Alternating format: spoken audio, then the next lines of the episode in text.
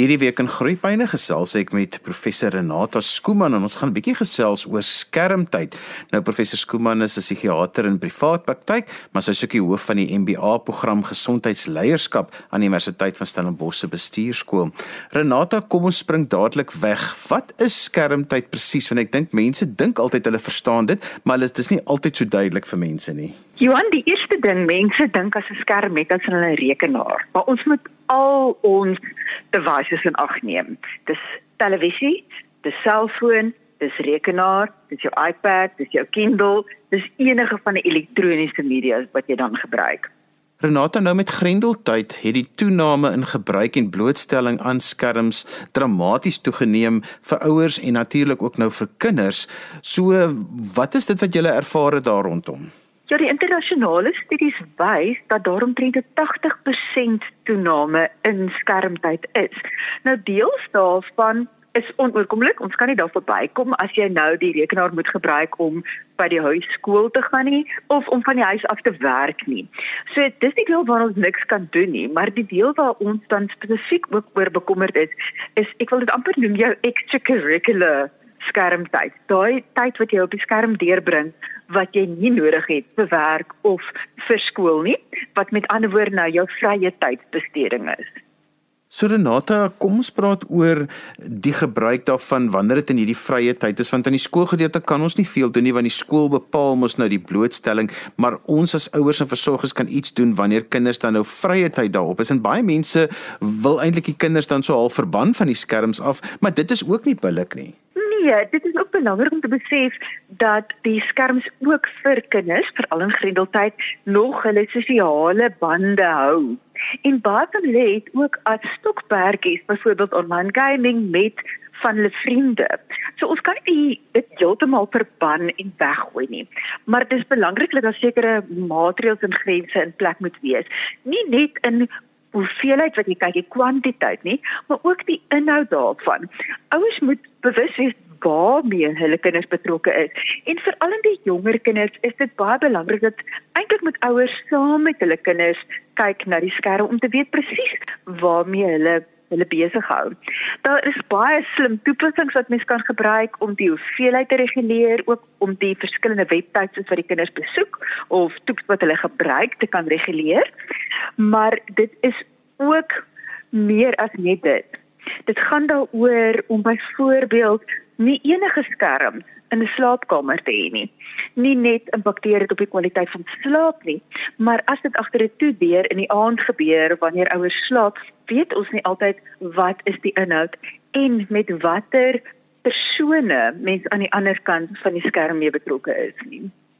Renata het 'n klomp studies uitgekom die laaste paar jaar wat nou skermtyd veroordeel, maar dat ook studies uitgekom wat jy sê nee, dit is nonsens, dit het nie regtig 'n impak op die kinders nie. So wat is die regte waarheid? Wat is die waarheid waarna ons moet vasklou wat jy nagevors het van watter probleme kan ontstaan as 'n kind te veel skermtyd het vir sy ouderdom?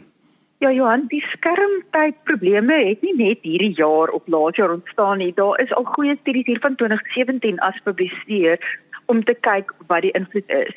En weer, daar gaan natuurlik mense wees wat sê daar is nie probleem daarmee nie, maar die as jy kyk na die oorsig van al die studies, wys dit tog dat dit aandag en konsentrasie probleme kan vererger. Dit kan mense geheue slegter maak. Dit kan jou slaap negatief beïnvloed. Dit kan definitief gemoed disregulering vererger. Met ander woorde, ons sien veral in tieners hulle raak meer prikkelbaar, En miskien 'n kleintjie selfs as jy die skerm nou wegvat wat hulle 'n lekker tantrumpie kan gooi. Maar daar is definitief 'n impak emosioneel maar ook prakties. Verder natuurlike groot ding is as jy oormatig op die skerms is, gaan jou fisiese gesondheid agteruit want jy kry nie genoeg oefening beweging aan nie. So ons sien dan ook natuurlike fisiese gesondheidsprobleme kinders en groot mense tel gewig op en sukkel ook meer met ongesonde eetpatrone want as jy die hele tyd agter 'n rekenaar is op 'n skermpie dan eet mens mindless. Jy druk net goed in jou mond in of jy snack die hele tyd. Anders as wat mens op gesonde, gestruktureerde manier drie maaltye by 'n tafel sit en eet. Renata, as jy nou verwys na aandag en konsentrasie en geheue probleme, bietjie gemoedstoring, praat ons nou van kinders wat nie aandaggebrek sindroom of ADHD het nie. Ons praat nou van kinders wat normaalweg presenteer as kinders wat nie hierdie tipe uitdagings het nie. Johan, wat ons gesien het hierdie afgelope paar maande is drie groepe en ek praat nou kinders en groot mense in hierdie groepe. So daar's die een groep wat na ons toe kom wat sê dokter, ek dink ek of ek dink my kind het ADHD. En dan as mens kyk, slaap die persoon te min of te laat en is hopeloos te veel op skerms, kry nie genoeg oefening in nie en dit kan letterlik net soos ADHD lyk. Maar as mens hierdie probleme aanspreek, dan raak die simptome beter. So hulle het nie ADHD nie, maar dit lyk soos ADHD. Dan sien ons die groep wat ADHD het, wat gediagnoseer is, wat op medikasie is, maar nou kom hulle by jou en sê dokter, die pille werk nie meer nie. En as jy dan gaan, dan sien jy weer hierdie oormatige skermtyd, gebrek aan oefening, swak slaappatrone en dit is genoegsaam om te maak dat die medikasie in aanhalingstekens nie meer werk nie. En as jy die probleem oplos, werk die medikasie weer. Die derde groep is iemand wat ADHD het, maar wat nog nooit van tevore gediagnoseer is nie. Baie keer is ouers baie huiwerig om te hoor wat juffrou sê van sussie het probleme in die klas of daar's moontlik ADHD of gaan vir die evaluasie. En nou dat ouers hulle kinders onder hulle plekke het by die huis en sien hoe moeilik dit gaan selfs as hulle op hulle eie is wat daar nie al die sterings is wat daar in 'n klaskamer is nie kom hulle agter maar sjoe my kind sukkel regtig. Of vir groot mense wat dalk in 'n gestruktureerde omgewing in 'n kantoor werk, nou dat hulle by die huis is en hulle self moet reguleer en self moet bepaal hoe my dag werk, kom die wiele af en hulle begin dan besef, maar as ek nie daai struktuur het nie, sukkel ek egter eintlik verskriklik met hierdie time management organisasie om my take te begin om my take klaar te maak en dan as ons evalueer dan sien ons dis iemand wat al lank al ADHD het van kinderjare maar die eksterne omstandighede het nog nooit die probleem na die vore gedryf wat dan 'n diagnose geverg het nie. Renata, maar dit is ook so klein bietjie soos 'n mot by 'n kers. Kinders wat geneig is of wat wel onderliggende ADHD het of wat dit al reeds gediagnoseer is by, hulle is darem maar net ongelooflik lief vir hulle tegnologie en hulle klou daaraan soos 'n neet. Absoluut en dit is wat ons noem hiperfokus ook. So daar is 'n beweging internasionaal wat ons sê miskien moet ons dit nie aandag te kort noem of ADHD attention deficit nie, maar eerder attention dysregulation hyperactivity disorder. Met ander woorde, ek kan konsentreer, maar konsentreer nie noodwendig waarop ek moet konsentreer nie. Ek konsentreer net op take wat high interest activities is en waar daar baie stimulasie is. So nou kan hulle hiperfokus op hierdie tegnologie wat regtig interessant is. Maar dit is ook deel van die probleem, want in ADHD is ons noradrenalien en ons dopamien en ons frontaallobe laag. Dis kom ons sukkel om aandag te gee en te konsentreer ensovoorts. Nou skerms elke keer as ons ons skermpie verander, as ons fliek fliek of skraal skraal, dan stimuleer dit van buite af dopamien. Maar daai eksterne dopamien pieke is soos afhanklikheid. Dit is dieselfde beginsel amper soos wat ons in substansafhanklikheid dan kry. Dis kom met skermafhanklikheid ook kan kry en dit onderdruk jou eie dopamien. So nou is jou dopamien laag. Jy doen nou hierdie ding wat jou eie dopamien verder onderdruk en dan begin ek afhanklik raak. Ek het meer en meer stimulasie nodig. Ek het meer en meer van daai eksterne dopamien stimulasie. Renata voor ons nou handelspreek gaan neem wil ek net gou 'n kort vraag vra oor hoe lank voordat my kind moet gaan slaap moet hy die skerms begin vermy? Wat is daardie vensterperiode sodat my kind se brein kan tot rus kom? Dit is iets wat geldig is vir volwassenes ook en my reël in die praktyk is 1 hour before bedtime no screen time. So hoekom is dit so? Wat gebeur in die brein dat jy moet 'n uur voor die tyd ophou skerms gebruik Die skerms het twee nadele. Die een gaan oor die lig en baie sê maar ja, ek het filters vir die blou lig en so voort. So dit help. Maar daai lig kan ons melatonienproduksie onderdruk en dan kan ons nie goeie kwaliteit slaap kry nie. Maar die tweede deel wat die skermfilters nie meer help nie, is die stimulasie van die breingolwe. So daai wat ons nou-nou bespreek het oor die dopamienpieke wat jy kry as jy skrol en so, dit aktiveer jou breingolwe na 'n wakker staat toe. En dan is jou brein nou wakker, maar jy wil nou gaan slaap. Renate, kom ons beweeg aan na internetgebruik en internetsteurings wat saam met skermtyd gaan. Verduidelik gou wat bedoel ons met internetgebruiksteurings en dan ook internethigiëne? So enige ding om 'n steuring te kan wees of 'n disorder beteken dit dit kort jou funksionering, jou normale funksionering aan. En dit kan wees of jou kognitiewe funksionering, so jou breinfunksionering of emosioneel of sosiaal en interpersoonlik. So wanneer ons begin praat van 'n internetgebruiksteuring, kan dit of wees die inhoud wat jy jou jouself mee ophou is skadelik, byvoorbeeld pornografie of of dobbelary, maar dit kan ook bloot die kwantiteit wees. Met ander ander woorde, die hoeveelheid wat ek dan op die internet spandeer wat dan ten koste van ander funksionering is. Met ander woorde, ek doen nie meer my werk nie of ek is reg deur die nag op die rekenaar en môre kan ek my oë nie oophou nie of my interpersoonlike verhoudings gaan agteruit want ek praat nie met iemand meer in real life nie alles is net oor die internet Renata wanneer realiteit is is dat eh, kinders moet met mekaar op die sosiale netwerkplatforms kommunikeer want hulle kan nou nie so baie lyftyd met mekaar deurbring nie so hulle hulle moet in ons ons ons praat ook nie net van die internet ons praat eintlik van alles wat daarmee saamgaan so dis moeilik vir ouers om dit te reguleer dit is maar ek moet nou hartsmal hê sê hulle kan minder lyftyd met mekaar deurbring. Dis miskien 'n goeie ding, maar ja, dit is belangrik om te reguleer. Ek het vroeër vandag uh, 'n uh, tiener gesien en sy sukkel emosioneel. Sy is 'n pasiëntjie wat geweldig empaties is en ondersteunend teenoor haar vriende en vriendinne. Maar nou kontak hulle haar 2 uur in die oggend, 9 uur in die aand, 5 uur in die oggend hierdie kind kry nie rus in nie. So daar moet regulasie wees van ouers wees oor wanneer het my kind toegang ook. Maar ja, ons wil nie van hierdie ondersteuning wat hulle mekaar kan wees en van die gewone interaksie wat hulle nou miskien nie in persoon kan hê by die skool of na ure oor 'n naweek heeltemal wegvat nie. Maar weer eens, dit is belangrik dat daar grense is. Daar behoort nie 'n selfoon in die slaapkamer te wees na 'n sekere tyd in die aand nie fone behoort in die kombuis herlaai te word.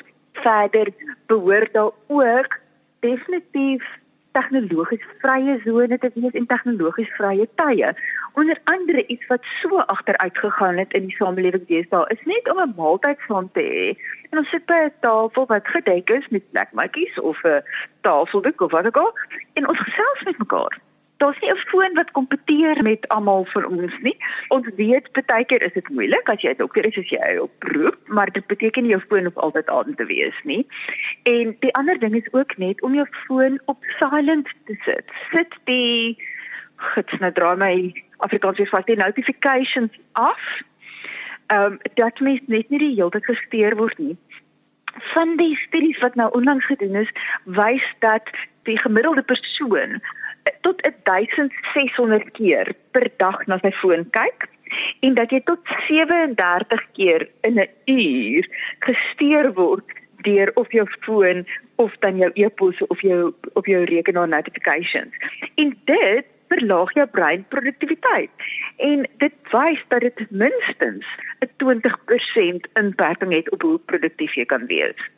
Renata want dit is nogal 'n moeilike ding om in die huishouding te hanteer want jy as ouer moet 'n goeie tegnologie rotine eintlik vir jou kinders net soos waardes maar voorleef. Jy kan nie die een stel reëls maak vir die kinders en jy 'n ander stel reëls nie want mens gaan maar dit as 'n gesin moet aanpak. Ja, absoluut. Dit is belaglik as jy nou sê jou kind mag net 'n uur op die selfoon wees, maar jy 3 ure op die selfoon. Um en die ander ding, groot mense behoort ook nie meer as 'n uur uur of miskien 2 ure maksimum um buite werk nog op hulle skerms te wees nie. En daar moet gesonde alternatiewe gestel word. As daar niks anders in die huis is om te doen nie, daar's nie 'n legkaart om te bou nie, daar's nie 'n boek om te lees nie, ons gaan nie as 'n gesin saam stap nie, of elkeen sit net morbied in sy eie hoekie, dan gaan dit ook nie werk nie. Dan moet alternatiewe vir kinders daar wees voor mens net skermtyd kan verban. Een van my groot mense van 'n pasiënt het eendag vir my gesê Hulle vind dit nie so effektief om die selfoon weg te vat nie. Hulle vat die charger van die selfoon weg. Dan moet jy nou 'n tiener sien paniekerig raak as hierdie selfoon geleidelik papper en papper en papper wees en ek kan hom eers weer môre herlaai. Dis 'n baie gepaste voorbeeld. Renata, jy het um, net toe gepraat van dat oordadige skermtyd en skermverslawing 'n impak het op kinders se geheueontwikkeling. Vertel ons 'n bietjie meer en hoekom dit so is. Die effek wat dit het op jou dopamien is die een rede hoe dit jou eie dopamien kan onderdruk, maar die ander ding wat ons ook sien is dat ook wat is in die brein se neuroplastisiteit? Met ander woorde, dis hoe die bane gevorm word, die kommunikasiebane in die brein. Dit word beïnvloed en jy kry nie net die normale koneksies maar ook die snoei van onnodige vertakkings nie. So dit beïnvloed definitief die brein se ontwikkeling en veral in 'n kind is hulle in so vatbare periode in gedurende skooljare vir hoe hierdie sinapse vorm, hierdie kommunikasie vorm. Die ander ding wat dit dan nou beïnvloed is, as jy ook in 'n gewoonte is van daar's konstante stimulasie, my skermpie verander die heeltyd. En wat ons ook sien byvoorbeeld selfs met televisie waar daar die heeltyd advertensiebreuke is ensovoorts. Nou moet my kind in 'n skool gesit in 'n klaskamer waar daar verwag word jy moet darm 20, 30 35 minute kan konsentreer maar ek is gewoond aan verandering elke 2 minute of elke minuut. So die arme juffrou het amper nie 'n kans om te kompeteer dan nie. Al het jy hoe 'n goeie juffrou met hulle kan nie kompeteer met hierdie stimulasie van skerms nie. So ons leer ook vir kinders dat hulle nie hoef daai skill te kan leer van ek moet myself kan besig hou. Ek moet kan stil sit en 'n boekie lees. Ek moet my aandag vir 'n periode van tyd by 'n aktiwiteit al is dit dalk 'n minder interessante aktiwiteit kan bepaal nie.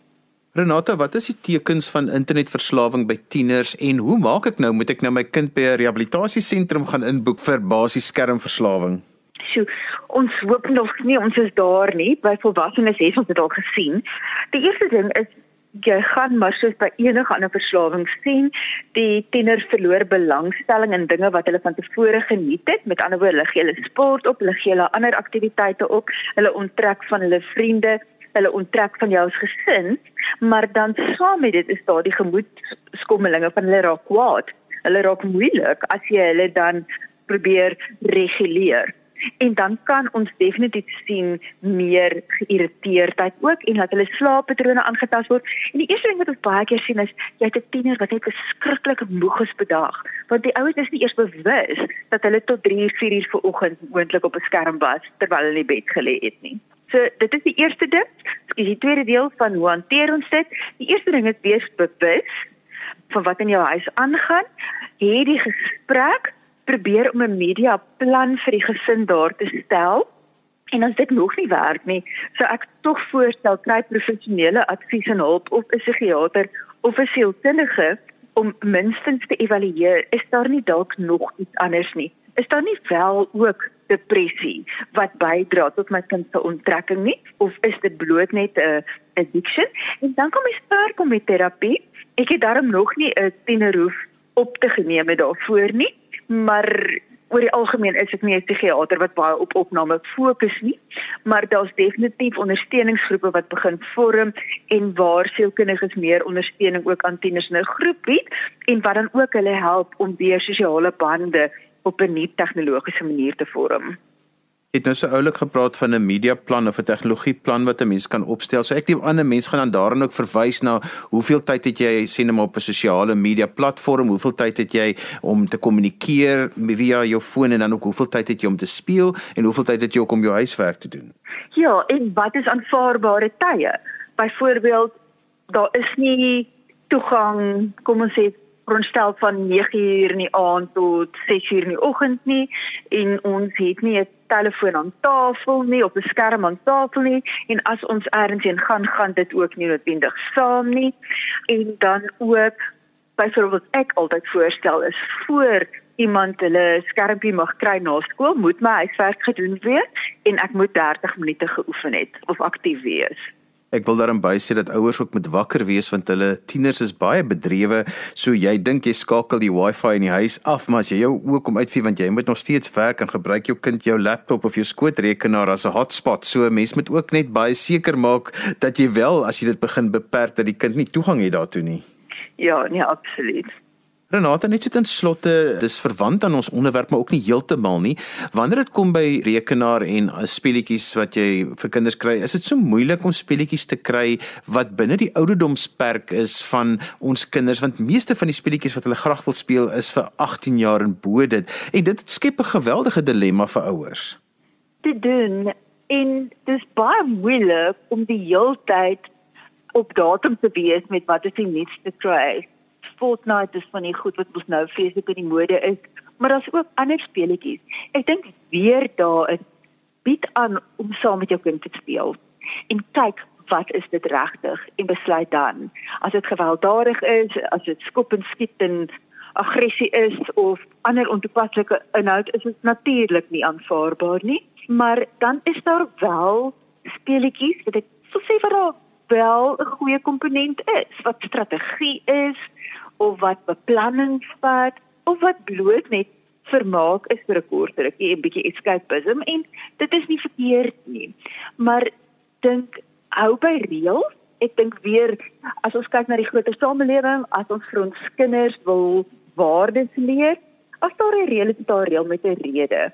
As alkohol eintlik onwettig is tot op 18 as 'n bestuurslisensie eers wettig is op 18 as iets dan 'n ouderdomsbeperking het as gevolg van die inhoud daarvan plek of 'n speletjie hou daarby want as dit vir kinders leer maar ag dat PG13 ons kan dit mos ignoreer van dat jy 11 is dan op 14 sit jy maar ja mamma wat nou van PG18 en dan gaan al die waardes en reëls later en maar by die hekkie uit Renata, as mense meer wil lees oor waarmee jy besig is, dan sal ek voorstel hulle gaan na Goldilocks and the Bear Foundation toe. So gee vir my net die hoe mense daarby kan uitkom en dan net so 'n laaste gedagte vir ons groet. Ja, hulle kan ons op Facebook volg. Dis Goldilocks and the Bear Foundation of dan ons webtuiste is www.gb die die syfertjie 4 adhd.co.za DB for ADHD www.co.za. 'n Laaste gedagte van my kant af. Definitief hou balans in gedagte. So moenie heeltemal ontslae raak van tegnologie nie, maar hou absoluut in gedagte die inhoud en die hoeveelheid van tegnologie beide vir jouself en vir jou kinders. En verder ook balans in die res van jou lewe. As jy nog steeds jou ander stokperdjies het, as jy nog steeds oefen, as jy nog steeds jou verhoudinge in stand hou en kwaliteit gesprekke het, dan is jou skermtyd nie noodwendig problematies nie. En so gesels professor Renata Skooman, 'n psigiater in privaat praktyk en ook die hoof van die MBA program Gesondheidsorg Leierskap aan Universiteit van Stellenbosch se bestuurskool. Onthou jy kan weer na vandag se program luister as 'n potgooi, laai dit af by resgep.co.za. Skryf gerus vir my e-pos by groeipyne@resgep.co.za. Dan groet ek dan vir vandag tot volgende week van my Johan van Lille. Totsiens.